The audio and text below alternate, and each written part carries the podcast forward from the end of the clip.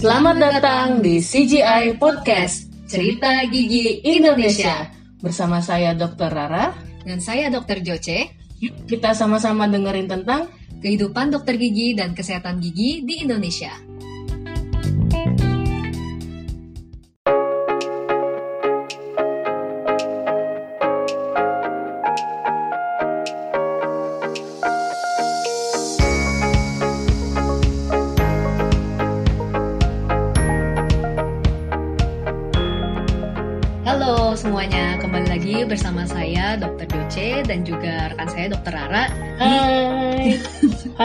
Halo, di Cerita Gigi Indonesia Podcast. Nah, seperti yang teman-teman udah dengar di segmen yang pertama, segmen sebelumnya, kita udah uh, cerita nih tentang awal mula kita memilih kedokteran gigi ya dok ya. Iya, betul. Nah, sekarang uh, kita kan juga udah jelasin kemarin perjalanan kita mau jadi dokter gigi itu sampai ke sarjana dulu sampai habis wisuda gitu ya dok ya. Iya. Nah setelah wisuda itu ternyata belum sampai di situ dok ternyata kalau dokter dokter gigi itu ya. Iya, jadi kita nanti akan lewat satu masa yang namanya koas Hmm. atau kepanitraan klinik. Macam-macam sebutnya. uh, ya sebutnya juga dibilang bisa dibilang masa klinik ya Hmm. gitu deh. Nah sebenarnya di masa klinik ini banyak sekali eh, jatuh bangunnya. Ini bisa dibilang masa yang paling berkesan untuk seorang dokter gigi ya dok ya. Ya betul sekali. Masa yang paling diingat Langsung ini. ya, betul. Langsung teringat macam-macam habis ini. Banyak banget soalnya eh, terjadi ba- jatuh bangun, mental dan fisik diuji penuh ya dok pokoknya di koas ini. Pokoknya eh, masa-masa di mana ada ketawa dan nangis yang paling banyak kayaknya juga di masa-masa ini deh. Karena ini termasuk eh, salah satu masa yang terasa panjang gitu sih dok ya sebenarnya ya. Iya. Nah, sebenarnya kenapa sih dok eh, FKG itu harus ada koasnya? Eh, kalau setahu saya ya, Hmm, setahu saya karena kan kita ya sebenarnya sama dengan kedokteran ya, kedok, ke- fakultas kedokteran juga ada masa koasnya. Karena eh, di sinilah masa di mana kita menerapkan ilmu-ilmu yang teo secara teori kita sudah pelajari waktu S1. betul. Kemudian kita, jadi istilahnya ya kita mesti em, praktekkan langsung ke pasien. Walaupun ini sebenarnya bukan dibilang kan, kan banyak orang bilang wah jadi kambing hitam apa kambing Percobaan. ya percobaan nih jadi jadi Iya. kelinci eh, kambingnya kelinci kelinci. Iya eh, jadi kelinci kelinci percobaan nih di sini jadi pasiennya sebenarnya nggak juga sih karena kan sebenarnya ada ada dosen yang juga mengawasi yang mengatur misalnya kalau kita melakukan kesalahan juga mereka akan turun tangan gitu Betul. jadi ini sebenarnya di mana ya benar-benar kita praktek awal sih benar praktek awal eh, menerapkan teori-teori yang sudah pernah kita pelajari eh, praktikum-praktikum yang kita sudah pelajari di Pantom dan men- eh, menerapkannya ke manusia Mm-mm. gitu. Iya benar. Jadi eh, kadangkala emang ada anggapan kayak gitu ya dok ya. Aduh, Iya. ini dikerjakannya sama mahasiswa koas nih nanti eh, kenapa-napa nggak ya atau apa sebenarnya malah lebih untung gitu ya dok karena kita juga bisa bantu mereka bisa bantu orang-orang yang membutuhkan juga yang butuh perawatan eh, perawatan gigi misalnya dan juga eh, kita kan di bawah pengawasan yang sudah profesional jadi sebenarnya kita kerjanya jadi lebih hati-hati justru jadi lebih prosedural sebenarnya gitu. Iya. Dan uh, kalau di kelas itu, yaitu tadi kita setelah teori selama uh, kurang lebih tiga setengah semester atau lebih tergantung dari ininya, tergantung fakul- uh, fakultas atau universitasnya juga. Dan setelah teori-teori yang sudah kita pelajari ya kita praktekkan di pasien yang sesungguhnya. Terus kita juga belajar gimana manajemen pasien, komunikasi dengan pasiennya, mulai dari uh, wawancara pasiennya atau anam- anamnesis keluhannya, menegakkan diagnosisnya serta sampai kita melakukan perawatan kepada pasien. Jadi udah realnya gitu ya dok di Iya. di koas itu.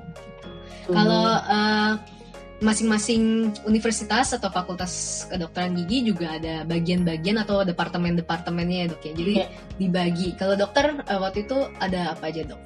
kalau di waktu itu di Unhas sih Mhm. kalau dal- dari FKG sendiri standar ya ada konservasi gigi, bedah mulut, Mhm. prostodonsi, periodonsi, Mhm. eh, anak, ke- kesehatan gigi masyarakat, Mhm. kemudian ada radiologi dental, penyakit mulut, Oh iya betul. uh, orto juga ada Orto. gitu kan. Tapi kita juga ada tambahan untuk uh, belajar juga di kedokteran di kedokteran di fakultas kedokterannya gitu. Jadi kita stase juga di uh, ilmu bedah bedah umum Mhm. terus kemudian kita juga stase di uh, THT Hmm. anak dan interna penyakit dalam Jadi sempat ke umum juga ya dok ya?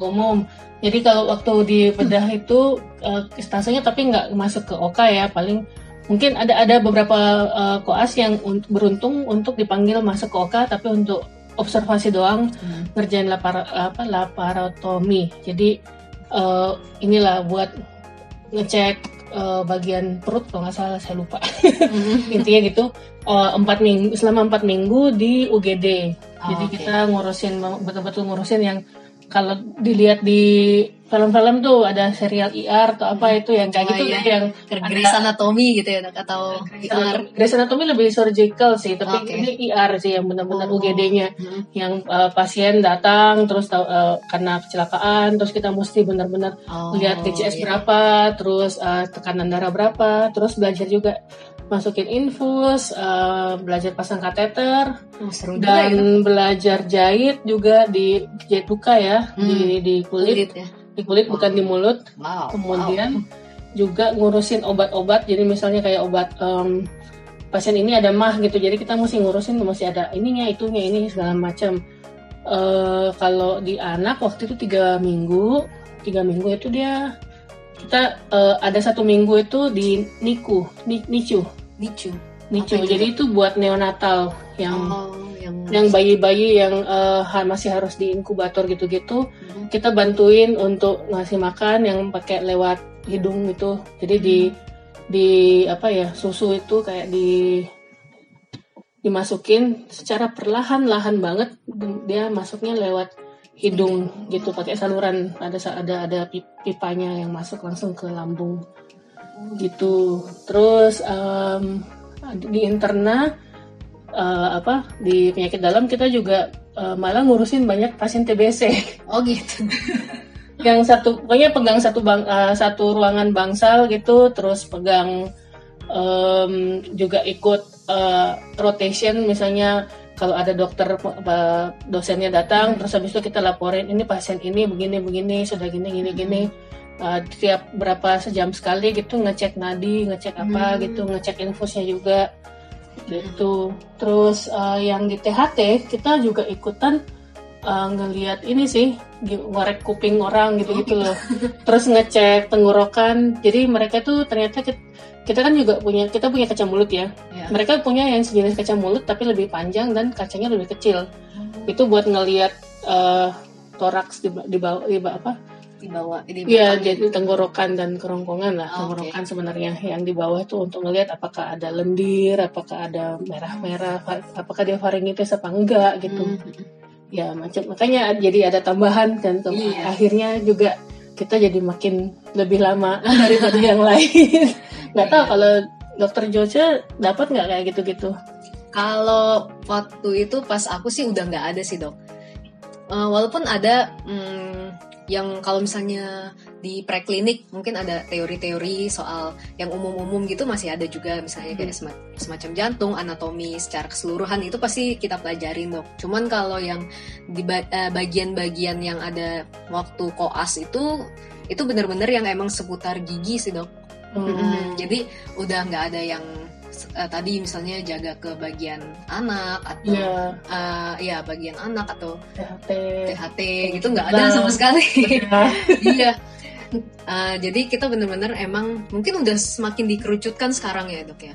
Ya mungkin supaya cepet Mm-mm. cepet ini kan cepet ini juga apa? eh Lebih terkonsentrasi lebih mungkin ya, terkonsentrasi ya ya, sekarang. cepat lulusnya juga Iya.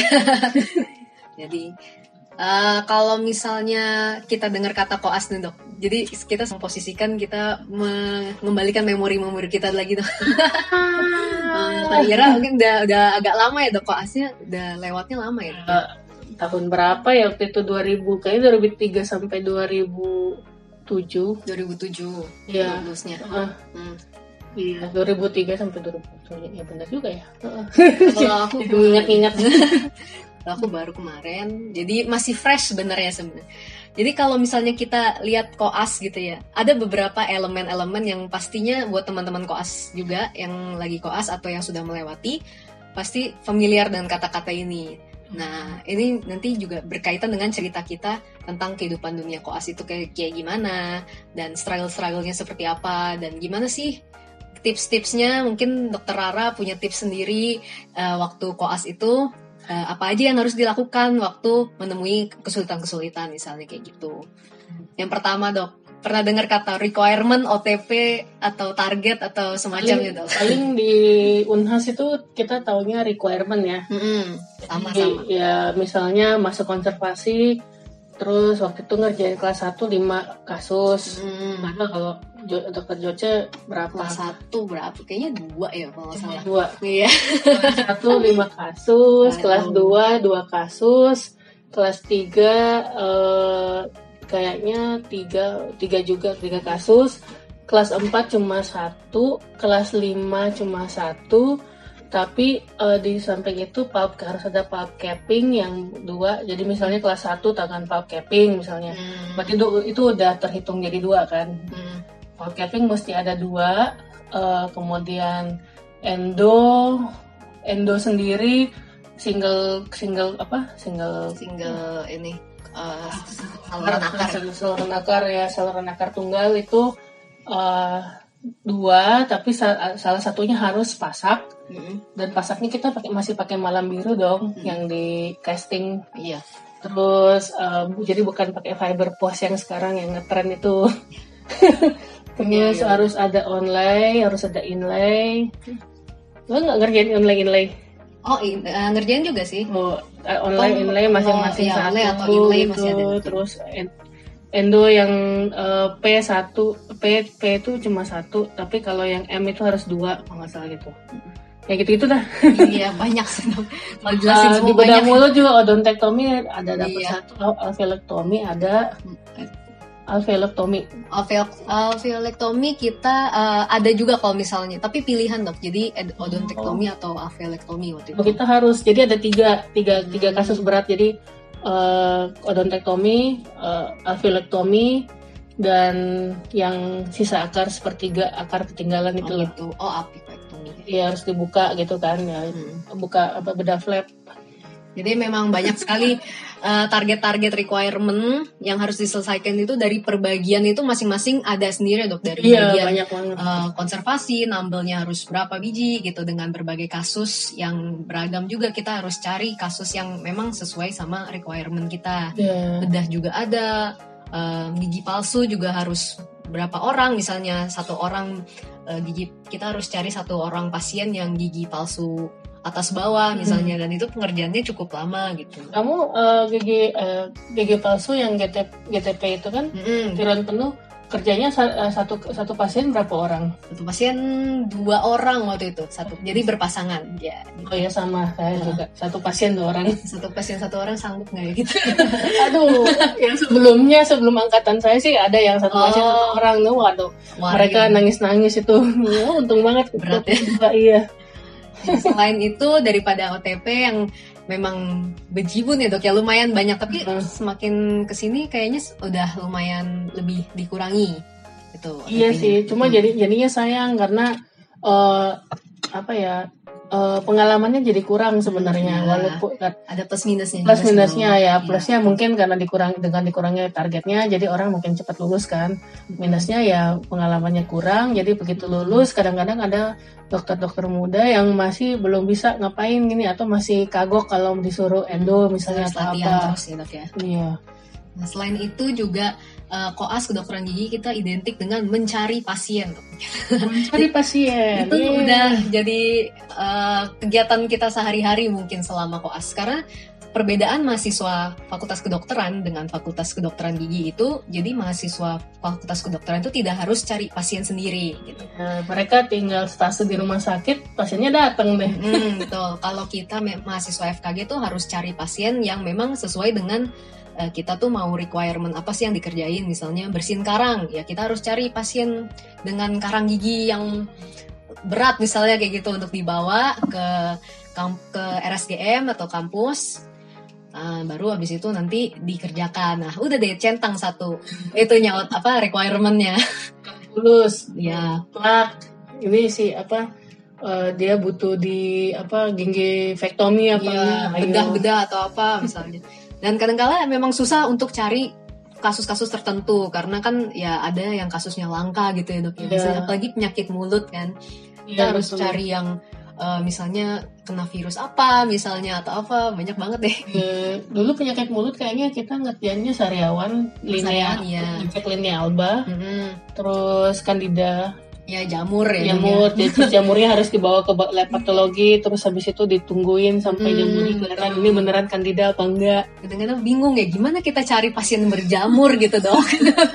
Biasanya kan ada aja ada, loh. ada aja sih Ya, gitu banyak banyak. yang OH-nya buruk dan segala Betul. macam tapi ya, ya pernah nggak eh, dokter Joce malah harus masuk ke kampung-kampung gitu untuk Oh, cari-cari itu- pasien itu udah sering dok udah pernah dan itu sebenarnya salah satu pengalaman yang eh, menyenangkan juga sih dok. Jadi kayak kita latih skill untuk ngebujuk orang juga ngelatih skill buat komunikasi. Oh gimana sih cara kita nyampai menyampaikan eh, pentingnya untuk dirawat. Jadi eh, membujuk supaya si pasiennya ini calon pasiennya itu bisa mau datang ke kampus buat dirawat gitu. Misalnya oh kenapa bolong bu? Harus dirawat. Kalau enggak nanti bahaya. Misalnya akan tambah uh, infeksi atau apa. Jadi itu bisa melatih juga dan saya ada Hmm. saya ada kasus khusus eh, cerita lucu nih waktu Kenapa lagi nyari itu Hah? terus kan ngomongnya juga gitu kan. Ya ya ya kalau bolong habis itu dia tambah bolong nanti eh, kalau tambah nggak dirawat nanti dia akan bengkak. Terus kalau udah bengkak terus nanti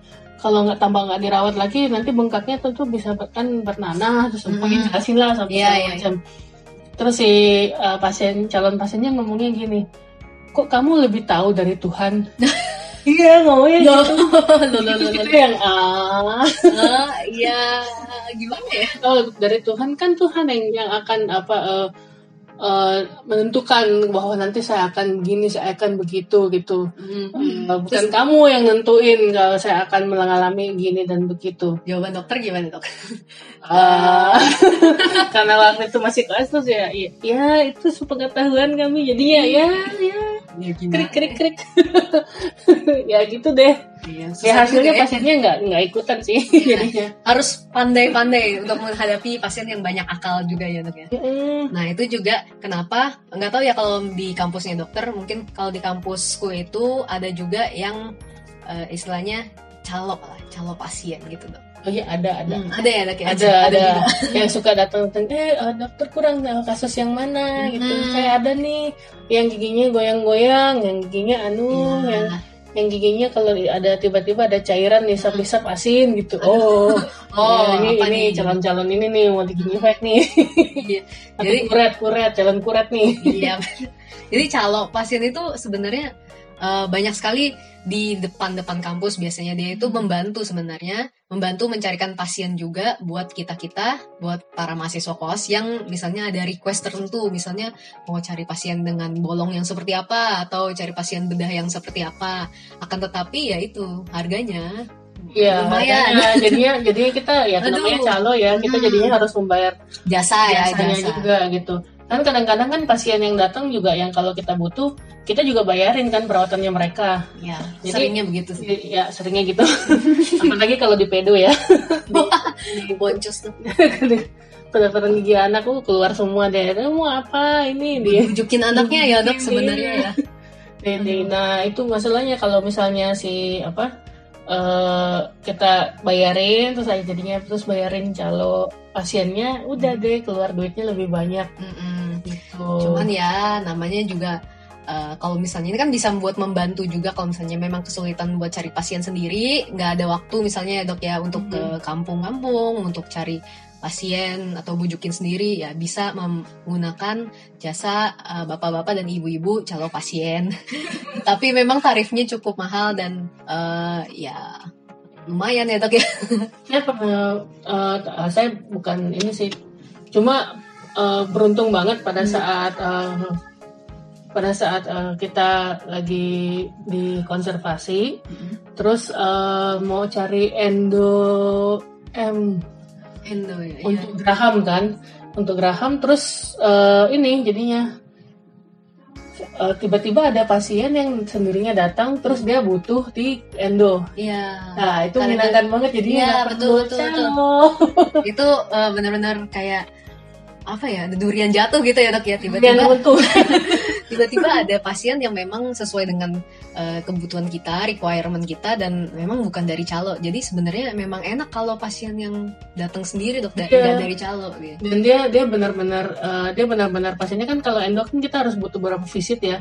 Kadang-kadang nangis tuh kalau pasiennya tidak bisa datang. Atau oh maaf saya harus pulang kampung saya nggak tahu baliknya Iya, di kapan. PHP. wah di PHP pasien. Iya. Kalau yang punya yang memang dengan keinginan datang sendiri itu biasanya pasiennya jadi nurut oh ya tak Mhm. tanggal tanggal segini datang lagi tanggal segitu datang lagi gitu ada kesadaran dirinya ya juga ya. iya Nah, selain daripada itu kan kita juga pasti ada tempat-tempat kerjanya gitu ya, Dok ya. Jadi Hmm. ada bilik-bilik kerjanya. Kita sebutnya dental unit. Jadi itu terdiri dari kursi giginya kursi kan giginya. Terdiri dari beberapa bilik di mana satu kursi gigi itu bisa dipakai 3 sampai 6 orang iya sebenarnya. bisa lebih malah ganti-gantian. Nah, makanya itu juga uh, menjadi beberapa kendala gitu ya buat kita. Kalau misalnya kita mau ganti-gantian unit, terus nggak dapat unit, jadi nggak bisa kerja juga. ya eh, pengalamanku tuh Waktu itu datang gimana? Dok? ke ini datang ke klinik ke ke RSGM eh waktu itu belum RSGM ya ke- kami Hmm. masih klinik namanya Mm-mm. klinik IG FKG klinik IG Kandia Eh, datang ke ini datang ke tempat ke klinik itu jam setengah lima apa jam lima subuh Subuh dong. untuk ngetek tempat Wow, terus eh, perjuangan. dengerin denger terus dengerin teman-teman di UI waktu itu kan punya teman beberapa di UI juga ternyata mereka malah dari jam 2 gitu Dua pagi. dua pagi udah datang untuk ngetek tempat Oke. dan itu ngetek tempat untuk ngejar yang paling pagi kan. Jadi paling pagi waktu itu adalah setengah delapan. Yang ngenesnya ketika kita ngetek terus pa- tempat udah ada dokter udah ada pasiennya yang tiba-tiba cancel. Aduh, sakit hati. Iya, benar, benar, benar. atau gini tempat udah ada pasien sudah datang dokternya tiba-tiba nggak datang Iya, ada urusan ada misalnya itu urusan sering apa juga. gitu. Tiba-tiba datangnya harus siang Nah, itu. Mungkin kalau yang aku belum ada yang sampai jam 2 kali atau aku baru pertama, pertama kali dengar dari dokter bisa tag dari jam 2 pagi. ada Soalnya- ada ada waktu Ada itu, juga. ah. yang di UI sih kayak waktu Oh, tahun-tahun yang itu juga sih mungkin waktu tahun-tahun itu juga mereka juga kekurangan dental unit kalau yang sekarang mungkin dental unitnya udah semakin ditambah juga, tapi ya mahasiswanya makin banyak juga sih dok sebenarnya. Jadi tetap aja nggak nggak balance gitu. Tapi sekarang eh, udah disiasati dengan misalnya eh, diatur jadwalnya, misalnya pagi shift pagi siapa, shift siang siapa gitu. Jadi Hmm. bisa saling ngebantuin asistenin gitu dok. Jadi oh Iya, enak ya ya gunanya itu supaya bisa oh lu, lu asistenin gue pagi nanti gue asisten lu siang ya gitu gitu. Hmm. Jadi ah, ada teman asisten lah buat ini buat bantu bantuin biasanya kayak gitu. Terus juga kata kalau misalnya kita mau kerjain OTP atau requirement ya dok kita sebutnya Iya, ya. Kita mau kerjain requirement udah eh, udah dapat pasien biasanya kan kita nggak langsung kerjain gitu aja ya dok ya. iya Pasti ada berkas-berkas yang diisi dan itu biasanya dicek dulu sama yang namanya asdos, asisten dosen. Pernah ada cerita, pernah ada cerita nggak dok sama asdos atau? kalau di tempat waktu itu saya sih eh, asdos nggak segitu nggak segitu ramai jadi kayak beberapa bagian doang yang ada asdosnya Hmm. tapi eh, kayak misalnya konservasi itu eh, langsung ke dosennya Oh gitu. malah sebelum ngerjain kita Oh, gitu. kita diresponsi dulu apa kalau ini kuis ya mungkin kalau di itu, oh ditanya-tanya gitu. ya, ditanya-tanya dulu kalau misalnya nggak bisa jawab Mm-mm. ya pasiennya du- masih duduk di situ dan harus kita Nggak harus ya? benar-benar nggak boleh kerjain sampai kita Oh, benar-benar gitu. bisa Iya, jawab Betul, betul, betul. yang paling ngenes adalah sampai di akhir per, akhir eh, hari itu kita sama sekali nggak bisa jawab. Itu sama sekali nggak bisa kerja pasien. Pasiennya datang dengan percuma datang duduk di situ akhirnya nggak bisa diapa-apain. Iya betul. gitu, gitu, jadi aduh minta maaf ini minta tolong pasiennya bisa datang lagi nggak? Gini gitu gini gitu. Kalau eh, kita juga kadang-kadang ditanya-tanya dong. Eh, pertanya- pertanyaannya sebenarnya memang sesuai dengan apa yang akan kita kerjakan gitu tahapannya apa eh, kenapa kamu mengerjakan ini. Jadi emang sebenarnya buat kita persiapan juga ya dok untuk mm, untuk ngerjain pasien ini untuk ngerjain kasus di pasien ini tapi biasanya kalau yang semacam responsi di kampusku itu justru di eh, dikerjakan oleh asdosnya gitu. Jadi Oh. uh, para asdos inilah yang menanyakan gitu. Jadi nanti kalau misalnya udah selesai, udah lolos dari asdos nih baru ke dokternya, dokter pembimbingnya gitu. Oh. Jadi meringankan kerja dokter pembimbingnya gitu juga sebenarnya. Ya mungkin mungkin sekarang sudah banyak kali asdos Mm-mm. kalau Udah ini. lebih banyak dok, benar-benar benar. Kalau dulu ya ada ya ada beberapa bagian doang yang punya asdos uh, orto, prosto gitu-gitu tapi yang kayak concern BM nggak ada gitu. Jadi Langsung ke dosen. Iya betul sih. Iya ada yang beberapa uh, bagian yang nggak perlu asdos juga. Gitu. Cuman sekarang ya uh, asdos itu sebenarnya juga membantu kita jadi kasih tips dan trik gimana caranya misalnya uh, kan mereka pasti udah punya pengalaman lebih banyak gitu ya Iya. dok ya. Selama koas mereka juga pasti udah ada tips-tips tersendiri lah untuk mengerjakan pasien kasus yang seperti ini misalnya. Jadi uh, membantu juga gitu dok buat uh, tuker pikiran sama mereka juga gitu Oh. tanya-tanya. Enak sih dok sebenarnya ya. enak ya. Tapi tergantung beda-beda sih dong. Beda-beda sebenarnya. Ada ada juga yang agak sedikit hmm, galak gitu kan misalnya. Tapi itu kalau misalnya kita nggak nggak sesuai itu nggak nggak bisa bisa jawabnya itu ya kadang-kadang pasti diomelin lah ya gitu. Kalau misalnya kerjanya nggak bener berantakan atau apa. Cuman ya ada juga yang wah baik atau ngasih tips dan trik gitu seputar koas dia bilang. Oh, oke. Nah, terus kalau misalnya udah lewat dari asdos, berarti langsung ke dosen. Nah, Nah, dosen itulah yang mengecek eh, pekerjaan kita, membimbing setiap step-step pekerjaan kita Iya, gitu ya. Dok. Jadi setiap step itu nggak bisa langsung langsung kerjain sampai habis Oh gitu. iya, iya kayak balik ya dok ya kita. misalnya tambel kan. Ah, Tambel. betul. Eh, dok, saya udah preparasi nih kelas ini. Oh iya, saya cek dulu ya gitu. Nanti dia keliling Hmm. pas ngecek. Oh ini kurang nih, begini begitu begini. Oke, tambahin. Oh nanti kalau udah bevel kasih tahu ya. Oke. Nah, nanti kerjain terus bevel. Dok, saya udah gini gini gini. Oh iya. Oke, udah boleh di eh, etching, bonding gitu Hmm. sama ini deh, sama kompos eh, kompositnya. Kalau misalnya pekerjaan komposit ya, ya langsung. Nah, baru dia ngecek lagi. Tapi kalau misalnya dia yang al- amalgam dulu kita masih dapat amalgam nggak tahu deh dokter Joce dapat nggak Hmm, Amalgam. dulu aku sempat dapat amalgam. sempat dapat amalgam nah itu sebelum amalgamnya ya dicek lagi gitu eh, ininya base-nya. Heeh. Nah, ini udah dikasih eh, base-nya ini ini. Oh iya saya cek dulu gitu. Dicek jadi pasiennya nganga dong. Oh, dulu ya, ya. dulu.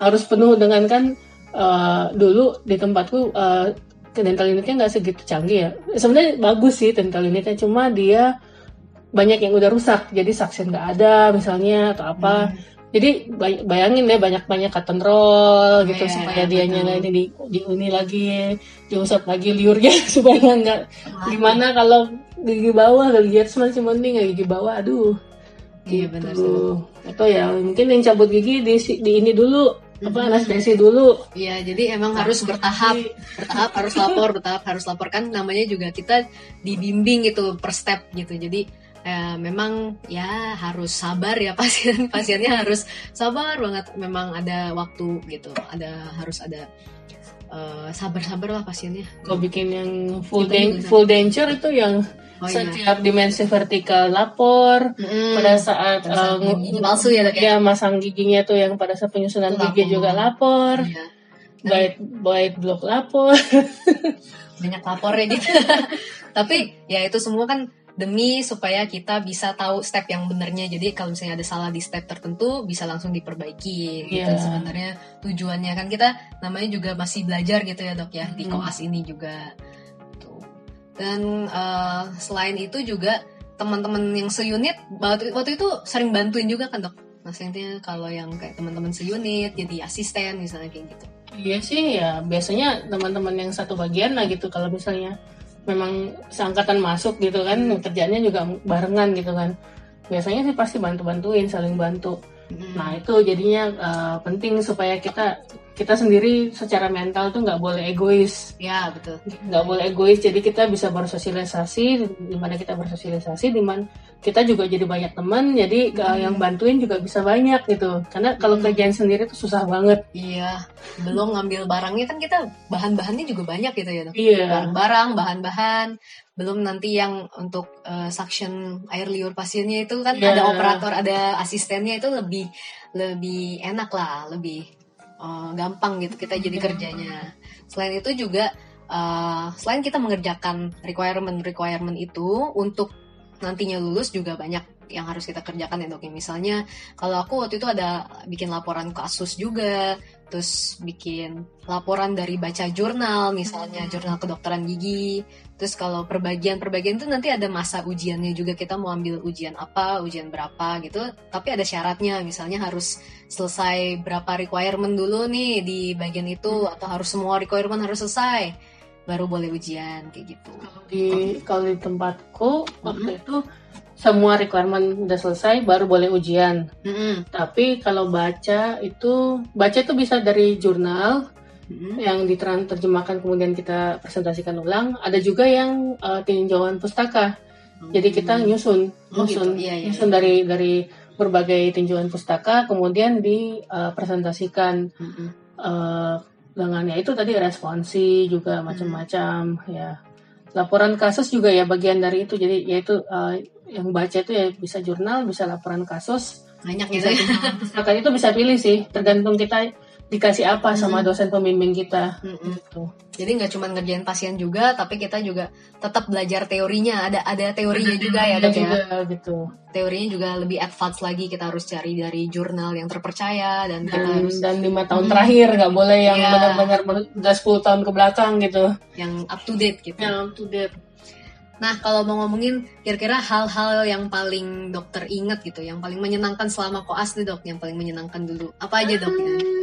Menyenangkan apa Iya. ya Pasti ada dong dok menyenangkannya. Ah, ya ada sih gitu ya ada yang menyenangkan misalnya ilmu teorinya kita udah belajar dari dari ini terus kita bisa ternyata praktekin ke Hmm. pasien terus ke, pada saat kita eh, selesaikan kasus itu dan pasiennya puas Mm-mm. itu rasanya seneng banget gitu itu kayak bisa diceritakan berulang-ulang ke teman-teman gitu. "Eh, saya dong gini gini. Terus pasiennya puji dong gini gini Iya, gini. iya, iya. itu itu sangat senang. Terus yang menyenangkan yang lainnya apa ya?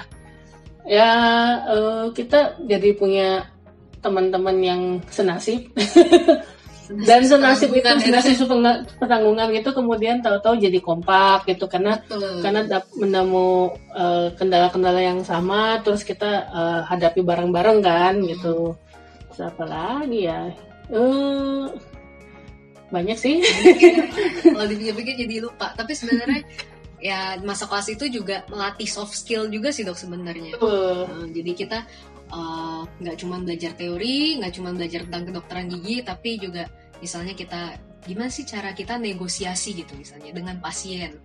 Misalnya dengan pasien. Hmm, dengan pasien dengan dosen. Iya. negosiasi. Bisa loh dengan teman misalnya nego dengan teman misalnya negosiasi ya bisa dong tukeran dong eh, apa antrian unitnya. Iya. ya kan kamu pasiennya gini nanti bisa nggak? Ini nanti habis ke saya deh gini nanti bantu. Ya apa apalah itu kan negosiasi juga gitu.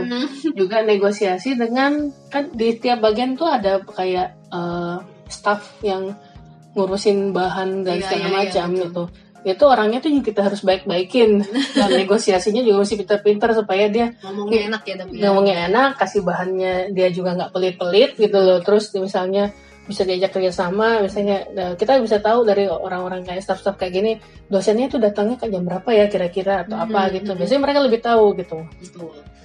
Nah selain itu juga kalau aku yang ngerasain banget itu jadi ya harus mau nggak mau harus gimana caranya kita manajemen waktu diri sendiri sih dok. Ya. Itu penting soalnya uh, kan kalau apalagi kalau aku kan integrasi gitu. Jadi kliniknya itu uh, kita datang kita boleh ngerjain kasus apa aja gitu. Jadi Hmm. kalau yang Enak dulu mungkin banget. kalau dulu mungkin masih per departemen gitu ya. Iya, per stase, perbagian. per- ya perbagian. Nah kalau uh, aku tapi yang sekarang ini yang aku dengar di kampusku sih udah lumayan ada balik lagi ke bagian stase tapi Oh. beberapa doang gitu. Kalau aku dulu itu uh, banyak kan integrasi jadi mau bawa pasien apa aja itu bisa kerjain apa aja requirement apa aja. Cuman mungkin ada syarat-syarat tertentu lah misalnya nggak boleh nggak boleh langsung cabut yang belakang dulu. Misalnya kalau Hmm. pasien cabut harus yang depan dulu atau apa itu bisa lah gitu. Cuman ya manajemen waktu balik lagi itu penting karena jadinya kita Hmm, jadi aku sering jadi bikin daily planner gitu dok ini harus kerjain apa ini harus kerjain apa nih minggu ini harus target apa. Karena kalau enggak nggak ke track itu jadi jadi lama-lama jadi lebih gitu. leyeh-leyeh ya? Iya jadi lebih kita nggak jadi jadi nggak sadar gitu oh ternyata ini belum selesai nih ternyata banyak yang belum selesai. Eh ternyata kelupaan yang uh, requirement yang ini gitu yang penting ternyata belum selesai. Kan selama uh, koas juga kita harus cari nilai gitu minta nilai ke Iya. dosen itu juga penting kan dok nah itu juga harus di track gitu karena kalau misalnya kelupaan kita udah kerja capek-capek tapi nilainya lupa diminta ke dosen ya hangus gitu kan kita percuma kerjaan kita gitu karena tuh kayaknya di radiologi dental waktu Hmm. itu ups jadi ngomongin Ya, nggak apa-apa. Halo dokter. Eh, ya lah.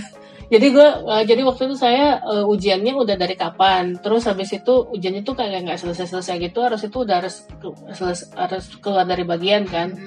Nah setelah itu sebenarnya udah selesai, tapi mesti minta nilainya. Tapi karena waktu itu bagiannya langsung bagian yang hektik, langsung udah res- ada respon apa segala di awal-awal, jadi jadinya eh, lupa gitu. Nah, waktu terakhir waktu udah mau ma- masukin nilai segala macam yang uh, kita mau urus ini ke pan- uh, urus kelulusan, eh tahu-tahu loh ini uh, nilai dari uh, ilmu punya ilmu radio dental belum dat belum ada gitu. Kemis. Ya gila. Jadi itu cuma ada dua hari terakhir pengurusan berkas sebelum wisuda, eh, sebelum urusan wisuda. Ha- udah harus masuk berkasnya, jadinya eh, langsung datang dong ke dosennya. Untung dosennya masih ingat terus dia bilang, oh iya ya udah nih kasihnya segini gini gini. Eh, iya dok maaf dok waktu itu lupa gini gini gitu gitu sampai di akhir kepanitraan dong. Untung aja masih bisa ya dok ya dosennya. Untung aja kalau enggak bisa aduh ya, tidak jadi wisuda. Aduh, Gawat itu. Ya itu makanya harus di track ya dok ya. Iya. Eh, apa aja tugas-tugas kita karena tugasnya banyak banget nggak cuman nggak cuman satu requirement tapi banyak dan nggak cuman pasien doang tapi ada laporan-laporan ada yang harus minta nilai dan lain-lain dan saran saya sih sebenarnya harusnya langsung aja minta nilai langsung urus saat itu juga atau eh, jangan lebih dari seminggu lah kalau bisa gitu ya dok ya Ya, Bisa- ya itu soalnya kan itu yang kalau integrasi masih enak, jadi Mhm. masih bisa. Itu kan kalau waktu itu saya kan masih yang perbagian, Mhm. jadi begitu selesai dari bagian ini udah harus masuk bagian berikutnya. Nah, terus nah, yang jadi ya. udah lupa gitu. Iya, Habis iya, itu iya. setelah itu masuk bagian, terus udah tahu-tahu ingat, aduh males deh, aduh ke sana lagi, aduh nggak ada waktu dulu, aduh Iya, gini iya, gitu iya, dan banyak ala lili dulu. lama-lama lupa sampai udah mau wisuda loh Iya. Wah, aduh, untung masih bisa. Tapi eh, kalau waktu itu hal-hal yang paling eh, tadi kan udah nih hal-hal yang paling menyenangkan Hmm. itu. Kalau hal-hal yang paling menyedihkan dok, dok coba dok. Apa aja, Dok? Ah, Ya itu ya PH, di PHP pasien. Eh, Pasien waktu itu kenapa? ya yang salah satunya ya itu kalau pasien waktu itu pasiennya mau oh mau ini jadi di orto kan Mm-mm. mencari model dan segala macam terus pasiennya oke oke saya akan datang itu kontrol setiap bulan gitu kan jadi pa- pada saat udah pertemuan keempat atau kelima gitu pasiennya itu tiba-tiba bilang maaf saya nggak bisa lagi karena saya harus eh, pindah kerja. Oh pindah kerja nggak apa-apa dong ya pindahnya pindah kota. Nggak bisa. nggak bisa lagi tapi gimana gininya giginya apa semua. Padahal udah di tengah-tengah ya udah di tengah-tengah gitu Itu ya. Sedih sih itu. akhirnya ya dan itu kan lepasan kan Iya. jadi lepasan nggak kontrol dong kalau misalnya dia benar-benar pakai apa enggak gitu ya udah dan ya Harus ulang lagi ya. harus ngulang lagi harus cari pasien Iya. lagi jadinya gitu dengan kasus yang sama harus tabah ya. sama itu nggak bisa dilakukan apa pun harus tabah aja tuh Iya. Harus tabah bangkit lagi cari lagi gimana caranya gitu paling paling gampang di PHP itu kan di di pedo ya Hmm. oh pedo ya agak susah soalnya pasien anak-anak kalau eh, aku sih paling ya apa ya menyedihkan ya itu sama misalnya lagi di tengah-tengah perawatan pasien. Kan ke- kita tuh perawatan pasiennya tuh mm, nggak sehari jadi gitu. Kadang-kadang ada yang nggak sehari langsung kelar. Iya. ada yang harus kayak misalnya eh, gigi tiruan lengkap ya. Ada yang harus bolak-balik selama beberapa bulan sampai satu tahun gitu. Hah, satu tahun? Tahun kalau nggak salah gigi tiruan lengkap itu eh, ininya Karena ada banyak stepnya ya. Iya, stepnya banyak dan harus tektokan juga kan sama pasien dan juga Sama tekniker. Iya, teknikernya juga. Jadi agak sedikit lama waktu itu. Jadi ya kurang lebih setahun itu selesainya. Dan paling sedihnya misalnya, ini bukan pengalamanku sih dok, tapi Hmm. ada yang aku dengar misalnya udah di tengah-tengah, udah di bukan di tengah bahkan udah tinggal, udah jadi nih gigi tiruannya, tapi pasiennya karena sudah tua mungkin sudah dipanggil Tuhan gitu. jadi gigi tiruannya sudah jadi waktu itu pas sudah jadi. Itu eh, salah satu Jadinya dia ulang. ya ulang dok Harus ulang. jadi ya itu salah satu mm, suka dukanya kalau misalnya di koas kedokteran gigi tentang pasien ya misalnya kayak Iya. gitu itu temanku juga ada sih, tapi untungnya waktu itu setelah insersi GTP-nya, ya masukinnya gitu heeh, seminggu kemudian meninggal. oh temanku juga ada tuh tapi, ya tapi cuma jadi ya dia jadinya nggak pakai dong gitu. Oh iya pakai sih, tapi dipakai untuk dibawa kubur. kubur. soalnya gigi tiruan eh, pasien gigi tiruan lengkap kan pasti orang-orang yang sudah lansia gitu ya Jadi Iya. memang agak ini sih Gitu. kadang agak deg-degan juga kita kayak kalau aduh udah kelamaan nih gimana gitu tapi di balik semua kesetresan kita atau ya sedih-sedihnya kita juga pastinya ada uh, hal-hal yang bisa diambil gitu dok Iya.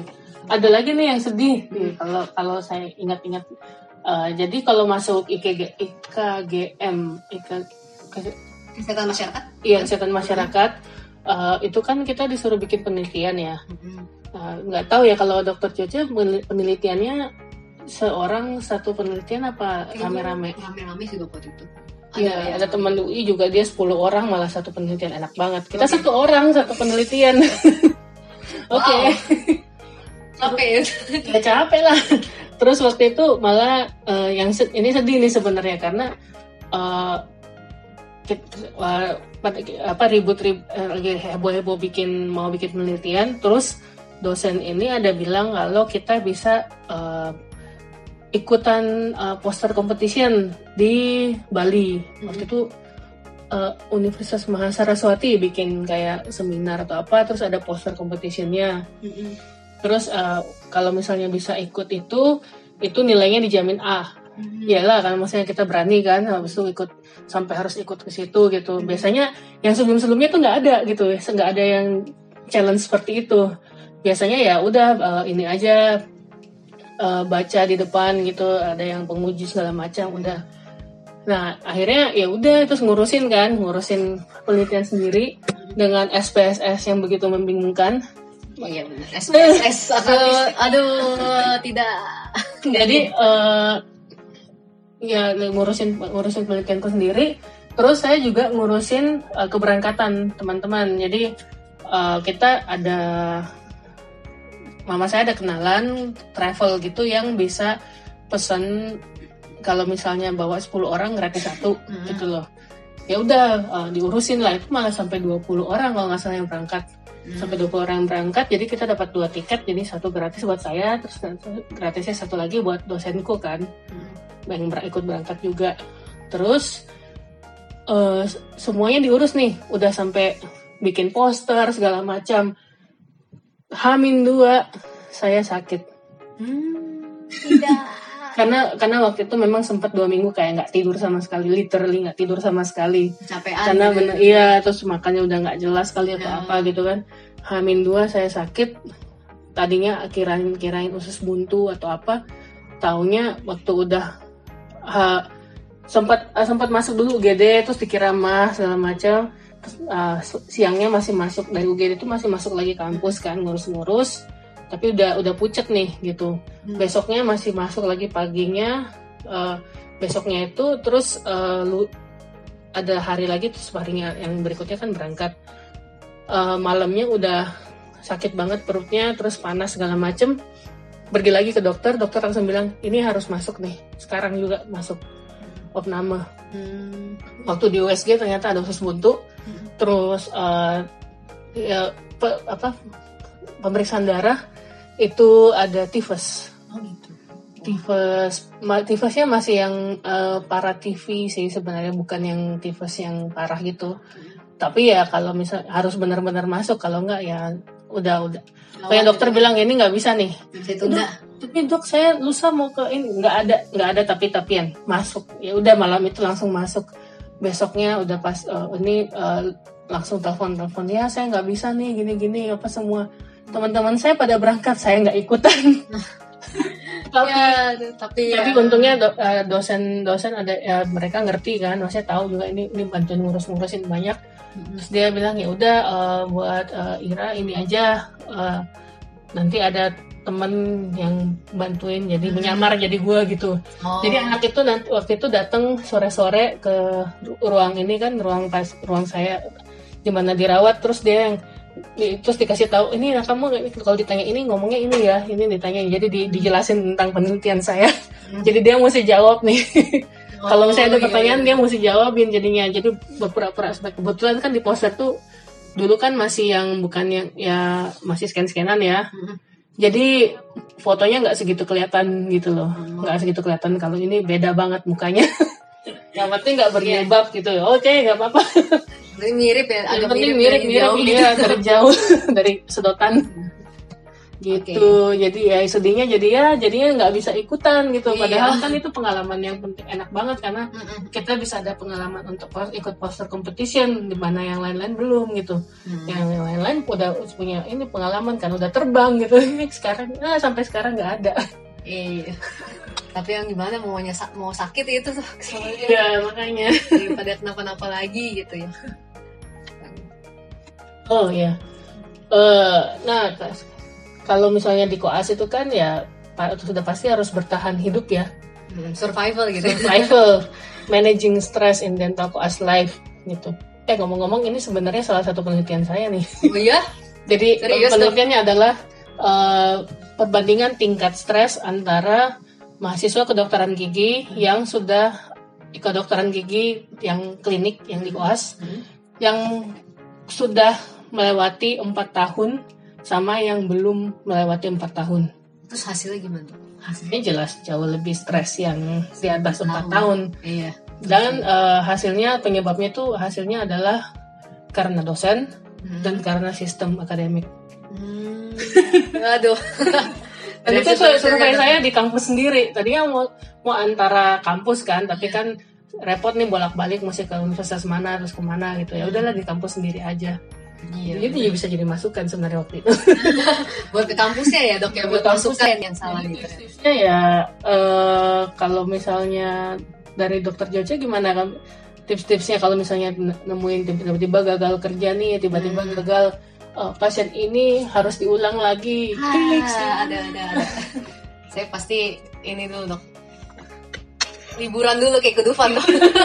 Stres kayaknya. Enggak, tapi eh, ya itu pasti dialami lah dok. Pasti dialami sama nggak cuma Hmm. saya, nggak cuma dokter Rara, tapi juga teman-teman yang lagi koas, ya teman-teman yang sudah melewati koas ataupun yang belum melewati koas pasti sudah pasti pernah mengalami itu. Dokter gigi dokter gigi yang udah ada pun yang udah praktek sekarang pun pasti dulunya juga siapa sih nggak yang yang Iya, nggak dan mereka sih mungkin dia- jauh lebih stres lagi Iya. kali. Da, ya yang harus kita lakukan sebenarnya kalau aku tuh pertama-tama tenang dulu, Tenang, tenang dulu, tenangin. Pokoknya mungkin ada masa di mana, aduh kok ini nggak berjalan sesuai eh, rencanaku semua ya. Kok ini eh, pasienku ini udah di udah dijanjiin begini-begini, eh ternyata batal. Dosennya udah dicari, udah janjian, eh batal juga misalnya. Unitnya udah disiapin tapi ada aja kenapa gitu. Nah ya, ya itu. eh, tapi balik lagi, kalau menurutku kita harus analisa gitu dong apa sih yang di mana sih kita kurangnya? Ini yang salah tuh apanya gitu? Hmm. apakah di pasiennya misalnya atau di dosennya kah? Kalau dosen agak susah ya mungkin karena jadwal beliau yang agak sulit juga mungkin di Iya. kampus. Atau dari masalah dental unitnya atau mungkin dari masalah diri sendirinya kita atau pribadinya kita yang mungkin kurang termotivasi atau apa gitu. Ke sistem akademiknya. atau sistem akademiknya juga kita kurang tahu tapi kalau kita tidak kita berusaha melawan sistem akademik ya kita malah nggak bisa ngapa-ngapain sebenarnya. Tetap akan ngestak juga. Jadi kita harus lebih cerdik lagi sebenarnya buat cari cara. Sebenarnya salahnya di mana sih? Kalau misalnya di pasien misalnya ngestak eh, aduh nggak dapet pasien nih nggak nggak ada nggak ada terus gitu mungkin kalau aku waktu itu ya salah satunya belusukan dok kita. Iya. belusukan ke kampung ke tempat-tempat lain. Terus eh, pasang poster atau apa di Instagram kan sekarang banyak tuh ya, enak sekarang kan pakai sosial Iya, media ya. oh, siapa yang butuh perawatan gigi nanti bisa langsung eh, hubungi DM ya DM ya misalnya kayak gitu Nah, itu bisa itu salah satu usaha sebenarnya jadi bagus dok sebenarnya itu positif Iya. atau hubungi para calon eh, eh calon calon maksudnya Calon. calon pasien untuk membantu Kalau punya duit banyak. Hmm, ada plus minusnya pokoknya. Atau mau bikin kartu nama buat uh, promosi atau uh, ya kasih tahu pasien. Jadi kalau misalnya ada apa, pernah juga ada yang saya kan waktu itu bikin kartu nama, eh ada loh yang yang Yang nyangkut. Mm, yang nyangkut akhirnya jadi pasien tuh pernah gitu. Jadi Oh. lumayan lah ada banyak cara misalnya dari pasien. Kalau dari segi dosen mungkin harus harus mengetahui ya gimana maunya dosen tuh seperti apa. Mungkin lebih ke Iya. arah situ ya tuh ya. Karena dosen dosen kan juga bermacam-macam ya. Eh, banyak banget lah. Ya ada yang memang galak, ada yang memang dia sebenarnya pura-pura galak, tapi sebenarnya baik. Iya. Ada yang baik banget, tapi sebenarnya Karena pengen kalau belajar gitu. sih ya. kalau misalnya dosennya terlalu baik oke dia baik sih tapi dia jadi jadinya yang yang nyangkut di kepala itu nggak segitu banyak Hmm, justru yang yang gitu. yang galak itu malah pelajarannya itu nyangkut banget karena Iya. under pressure terus jadinya wah, wah keinget-inget mulu Iya. ya dosen juga macam-macam gitu karakternya. Jadi kita harus mengetahui oh sebenarnya ini karakter dosennya itu seperti apa dan mungkin kita juga yang harus lebih aktif sebenarnya lebih proaktif untuk mengingatkan dosennya kalau misalnya eh, beliau lupa memberikan nilai atau lupa eh, tanda tangan atau ACC Iya. kita yang harus harus proaktif karena kita pasti tahu urusan eh, dosen kan pasti banyak nggak cuman kita doang dan muridnya pun banyak banget Hmm. dari berbagai angkatan gitu. Jadi kita yang harus proaktif kalau enggak ya rugi di kita sendiri gitu. Karena karena karena yang kita ngerjain eh yang bukan kita doang gitu yang diurusin sama si dosen. Hmm, betul. Gitu. Ya, walaupun mungkin dosennya galak tapi harus berani jadinya. Iya betul betul. Walaupun takut-takut oh, dok dok gimana dok? Karena kalau kita takut-takut dan akhirnya nggak maju-maju ya itu rugi di kita sendiri Dia itu sangat-sangat berhenti merugikan di jalan jadinya Iya, jadi tidak ada gunanya menyalahkan ah si ah, dosen ini dokter ini kenapa-napa napa. Ya pokoknya maju aja, jangan takut, jangan gentar gitu. Kalau kita kitanya pembawaannya juga sopan, baik gitu, ngomongnya juga baik-baik, ya pasti juga akan timbal baliknya baik lah. Gitu. biasanya prinsipku prinsipku kalau menghadapi dosen yang galak Hmm, ini gimana tuh? di dalam hati ya dah whatever happen happen aja lah Nothing tulus lah gitu. gitu dulu sih udah kalau memang sudah harus ke sana Iya, pasti ada jalannya kok gitu. iya Kalau misalnya, oh kalau misalnya nggak dapat dental unit gitu itu juga Hmm. sering banget. Ya kita bisa buat jadwal dengan teman seunit kita, jadwal pemakaian unitnya. Eh kamu pakai yang jam segini ya, aku pakai jam segini. Atau eh, ya itu harus ada pengorbanan-pengorbanan juga ya dok. Yang misalnya harus bangun pagi-pagi gitu kayak pagi pakai banget unit. bangun pagi banget kayak tadi yang subuh subuh Hmm. Terus selain itu, tapi kalau dari semua faktor yang menurutku paling penting itu dan paling nomor satu itu sebenarnya dari diri sendiri. Jadi itulah yang paling krusial, yang terpenting. Karena in the end tuh semua motivasi, terus keinginan eh, dari diri sendiri itu datang dari diri kita. Jadi motivasi apa pun, kalau misalnya kita nggak ada semangat sendiri untuk lulus pun itu nggak akan berhasil gitu. Walaupun kita punya pasien, dosennya juga udah enak, dental unitnya banyak gitu ya. iya. Tapi kalau orangnya mengerjakannya itu kita sendirinya kita absen gitu uh, dalam tanda kutip tidak hadir atau males misalnya atau ya gitu. Siapa yang mau mengerjakan pasiennya gitu? Bagaimana requirementnya mau lulus gitu kan? Jadi tetap harus ada motivasi dari diri sendiri gitu. Walaupun ada masa-masa di mana di mana kita down segala macam Hmm. ada masa-masanya ya saya sendiri sih hampir nggak lulus sih sebenarnya Nah. terus terang sih Waduh. bisa dibilang hampir nggak lulus karena sebenarnya kan balik lagi ke masalah pilihan pilihan fakultas kedokteran giginya sendiri pun mm, nggak ini kan bukan pilihan banget gitu loh Hmm, awalnya waktu itu. juga masih setengah-setengah gitu tapi ya satu hal yang bikin saya berpikir kalau saya harus lulus kenapa? Saya udah sejauh ini gitu loh. Mm, udah sejauh ini berjuang sampai sudah klinik sampai sudah koas. Betul, betul. koas pun udah setengah lebih dari setengah berjuangnya.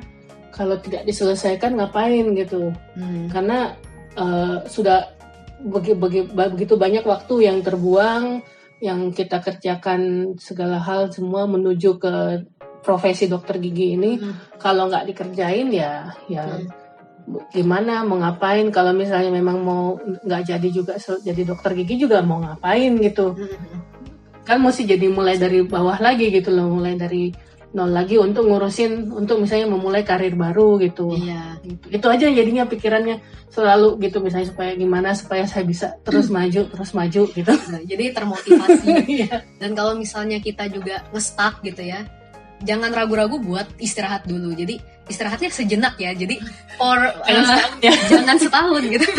istirahat sejenak. Misalnya mungkin sehari dua hari nggak usah ke kampus. Misalnya eh, ya refleksi dulu atau apa. Tapi setelah itu ya kamu tahu kamu punya kewajiban untuk menyelesaikan studimu. Kamu sudah berkomitmen sama orang tua juga yang sudah Mm-mm. membiayai dan itu harus diselesaikan gitu. Jadi ya jangan lama-lama breaknya gitu sebenarnya.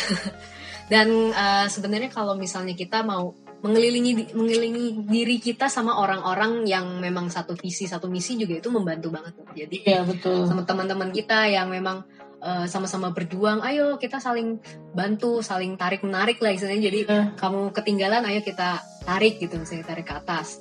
Atau Di- ditanyain misalnya eh, ini butuh apa lagi gitu loh ya, butuh apa lagi buat supaya bisa uh, selesai atau apa gini gitu Uh, ya jadi balik lagi harus kalau dengan dengan cara kita bersosialisasi bersosialisasi juga tepat kita jadi punya banyak teman yang memang bisa membantu kita untuk memotivasi satu sama lain bener Mm-mm.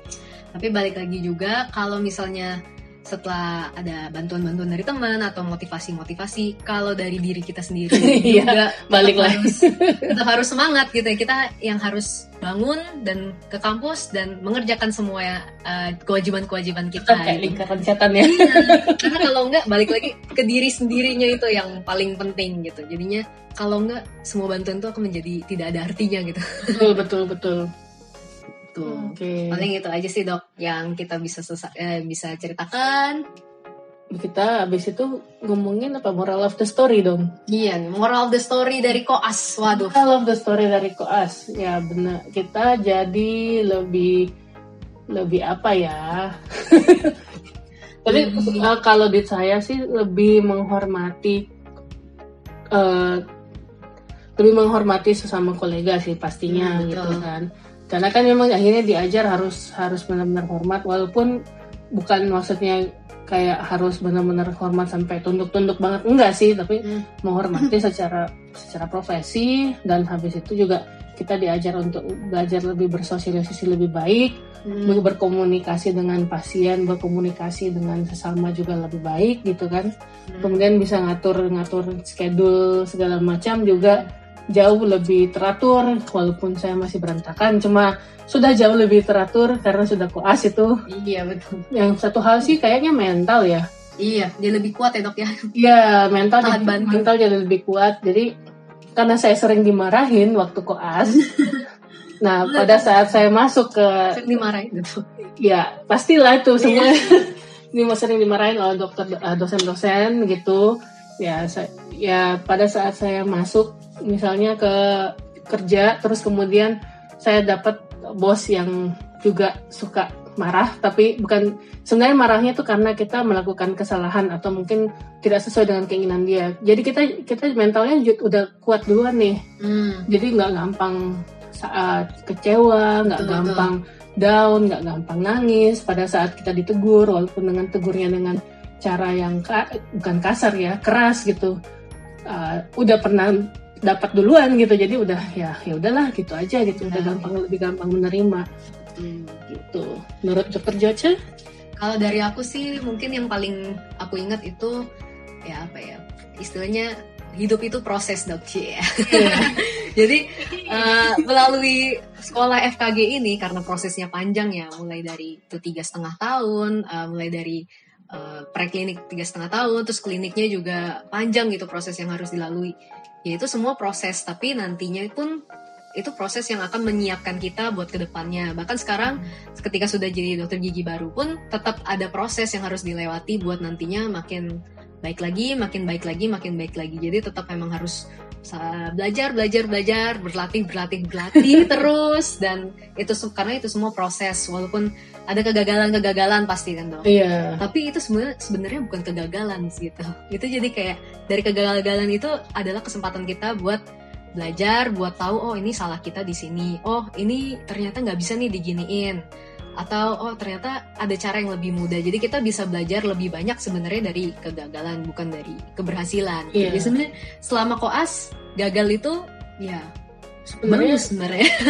ada bagusnya juga sebenarnya kurang seru kalau misalnya eh, mulus-mulus aja ya. mulus-mulus aja. Jadi kan nggak nggak tahu gitu kalau ada kendala ini itu jadi panik gitu kalau betul misalnya betul betul. misalnya nggak tahu apa-apa. Kalau kita ada banyak loh jangan juga terlalu banyak gagal sih. Tapi ya kalau ada kegagalan di antara hal-hal yang kita kerjakan selama itu ya ya itu tadi balik sih dokter Joce bilang ya yang Hmm. ba- banyak ini trik dan tips jadinya kita tak kita tahu gitu yang kita bisa sharing di kemudian hari juga loh kepada teman-teman juga Jadi jangan takut buat kegagalan, jangan takut buat mulai. Aduh takut nih kalau misalnya eh, aku lakuin ini nanti malah gagal lagi ya kan kamu belum tahu dan kalau misalnya gagal pun kamu akan belajar lebih banyak lagi daripada nggak memulai apa pun. Gitu. Yeay. Bagus ya moral of story-nya ya. Semoga bermanfaat ya buat teman-teman semua yang mungkin lagi koas, mungkin lagi mau mulai masuk koas karena ada juga Iya. di kampusku sih udah ada yang mau masuk koas juga. oh Iya, mereka perlu dengar nih Buat tahu tips and trick apa yang akan dihadapi di koas ya. jadi nah sekarang kita ngomongin tentang segmen berikutnya Aduh, segmen berikutnya apa nih dok? Eh, Kira-kira. kira-kira bocoran segmen berikutnya eh, topiknya lebih umum Hmm. nanti uh, setelah kita punya dua segmen yang ngomongnya uh, tentang kedokteran gigi banget, uh, segmen berikutnya kita akan bahas tentang uh, kenapa kita harus ke dokter gigi. Jadi ini lebih untuk Hmm, masyarakat umum, teman-teman yang memang non dokter gigi yang mungkin dengerin apaan sih ini dua segmen ini ngomongnya tentang uh, kuliah Kampus perkuliahan kampus gitu ya. gini. Tapi sebenarnya buat teman-teman yang non dokter gigi itu sebenarnya supaya bisa tahu sih perjuangan kita waktu di kampus tuh gimana. Dan banyak banyak pesan moral juga sebenarnya yang umum dari ini nggak cuman emang dokter giginya tapi pesan moralnya kan umum sebenarnya. Iya. Gitu. Ya, anyway, yang untuk segmen berikutnya, jadi kita ngomongin kenapa kita harus ke dokter gigi, kenapa eh, kenapa juga kita harus eh, selalu kontrol tiap enam bulan sekali ke dokter gigi, Eh, apa sebabnya? Bukan karena dokter giginya mau duit selalu, tapi ya memang karena ada beberapa hal yang harus harus eh, diperhatikan supaya kesehatan gigi itu eh, yang tadinya mungkin hanya punya problem kecil sudah bisa ditemukan sebelum mendapatkan yang problem lebih besar. Tapi Hmm. ya nantilah bisa dibahas lebih banyak di segmen berikutnya. Betul sekali. Nah, kalau misalnya teman-teman mau eh, tahu lebih banyak tentang ceritagigi.id atau mau lihat tentang segmen berikutnya, nanti kita pasti akan lebih banyak post di Instagram di Instagram baru kita ya dok ya. Yeay. akhirnya punya Instagram Di mana dok Instagramnya? at ceritagigi.id.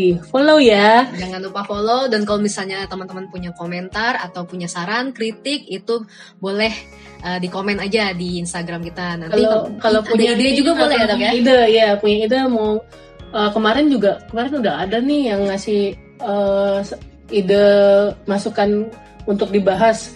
Kalau nggak salah dari Nida, namanya Anida siapa sih? Aduh lupa ad-nya berapa. Hmm. Eh, akunnya sama yang namanya Vera, Mary Vera. The- mereka bilang katanya buat bahas tentang tukang gigi dan bahas Hmm. tentang tipe-tipe pasien. Wah, menarik. sangat sangat menarik. Thank you ya buat indi, eh, thank you banget buat idenya. Nanti kita coba garap ya dok ya. Ya, gitu. Nah, selain eh, sosial media bersama yang untuk cerita podcast ini, cerita gigi, kita juga punya eh, Instagram masing-masing. Eh, kalau Dokter Joce di mana? Kalau saya di @jocelyn Sintano, J O C E L I N S I A N F O S I A. Aku jadi lupa Instagram. Iya, Bentar, let me spell again.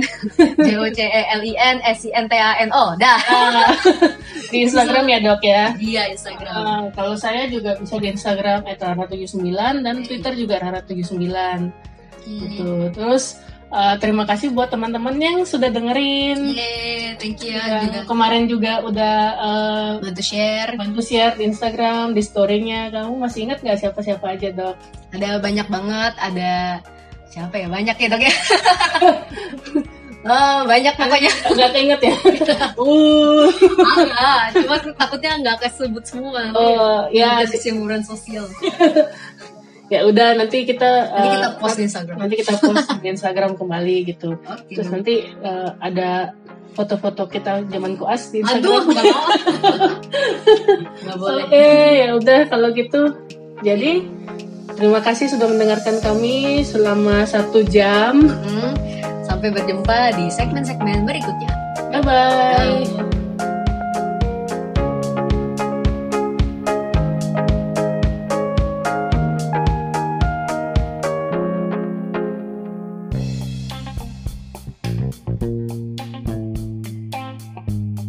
Cerita gigi Indonesia Tempat curhat dan edukasi dari dokter gigi Indonesia kepada teman sejawat dan masyarakat umum.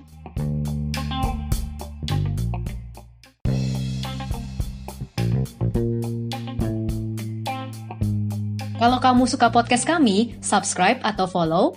Dan share podcast ini kepada teman-teman kamu Kamu juga bisa follow, komentar, atau kasih masukan tentang podcast ini. melalui Instagram kami di @ceritagigi.id.